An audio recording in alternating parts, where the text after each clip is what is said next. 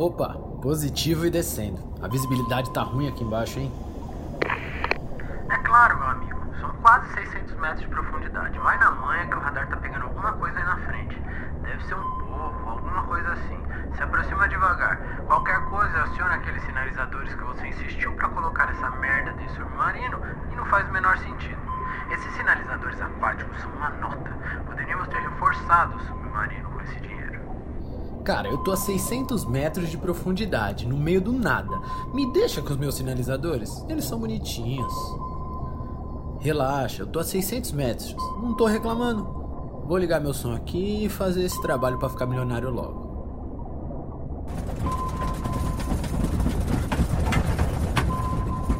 O desgraçado se agarrou nas hélices. Eu tô descendo muito rápido, vou inverter a rotação. Ufa, pronto, o maldito foi embora. Caralho, Jake, você quer me matar do coração, porra? Logo agora que a gente tá tão perto. Essa tal estatueta que a gente tá procurando vai deixar a gente rico. O Sr. Howard tá atrás disso desde que ele ainda tinha cabelo. O velho não vai morrer em paz sem ela. Já achou essas ruínas? Ainda nada, mas tive a impressão de ver algo se mexer lá na frente. Se fosse preocupante, já teria aparecido no radar. Continua descendo. Achei, achei! Caraca, que coisa enorme! Eu nunca vi uma construção tão grande e tão estranha. Eu não consigo dizer se é uma, sei lá, pirâmide ou um bloco de rocha apenas. Tô me aproximando. Você tinha que ver isso. O corte é perfeito. Não dá nem pra imaginar o tamanho da máquina para fazer isso. Tem algum tipo de escrita nas vértices. Nossa, é fascinante. Achamos, Jake. Certo, eu vou te guiar. Peraí, acho que o radar tá com algum problema. O que foi? Que problema? Tá registrando uma coisa muito grande se movimentando perto de você. Mas é algum defeito. A escala tá mostrando que é do tamanho de um edifício, até parece. Acho que é a profundidade. Tô vendo alguma coisa à frente. Parece uma fonte termal, tá saindo muitas bolhas de lá. Vou, vou colher uma amostra rápida.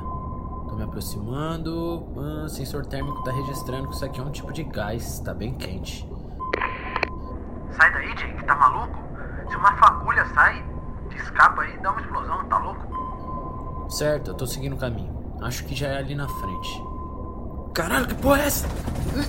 Caralho, que porra é essa? Caralho, que negócio é esse, meu?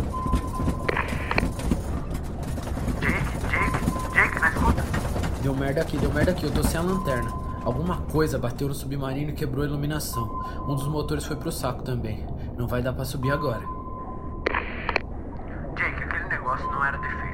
Tem alguma coisa do tamanho de um edifício se aproximando. Dá um jeito de sair daí. Tá se aproximando rápido. Vai logo, cara. Não tem jeito, cara. Essa coisa vai me esmagar. Mesmo sem visibilidade, dá pra perceber que é imensa. Eu vi o que parecia ser, sei lá, parece aquelas ventosas de, de, de, de polvo, de tentáculo. Mas era do tamanho da cabine, cara. Não dá pra acreditar. Jake, agora não é a hora. O negócio tá perto. Sai daí. Jake, responde o que, aconteceu. Merda, eu vou morrer aqui no fundo do mar. Jake, agora não é a hora. O negócio tá perto. Sai daí. Jake, responde o que, que aconteceu. Tá se aproximando de novo, Jake. Eu vou mandar uma equipe pra você. Porra, eu fui jogado pra longe, danificou de vez o motor. Eu tô sem conseguir me locomover agora. Sem chance, cara. Essa coisa tá se aproximando. E se eu morrer, eu vou levá-la comigo. Fui arremessado pra perto daquela fonte termal. Me avisa quando o bicho se aproximar. Eu vou ativar os sinalizadores e explodir essa porra em pedaços. Você é louco, Jake. Você vai morrer aí, cara. Merda, Jake. Tá se aproximando, Jake. Sai daí. Com sorte, posso ser arremessado pra superfície. Vai logo, me avisa quando se aproximar. Essa coisa tá fazendo um som. Não dá pra ouvir direito.